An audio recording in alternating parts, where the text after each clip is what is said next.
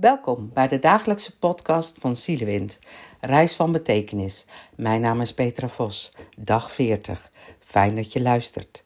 Vandaag lees ik een verhaal voor uit het boek Iedereen was er van Toon Tellegen.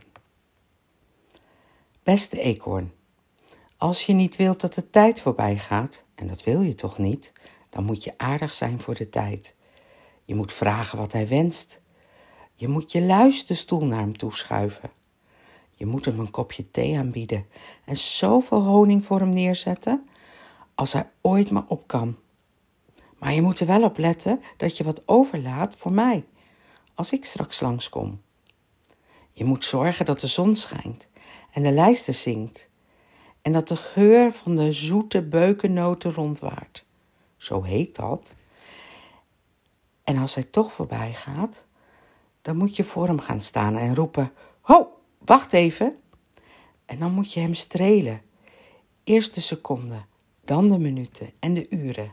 En dan de dagen, de maanden en de jaren. Zachtjes strelen. Misschien gaat hij dan nooit voorbij. Maar zeker is dat niet. Wacht anders tot ik er ben.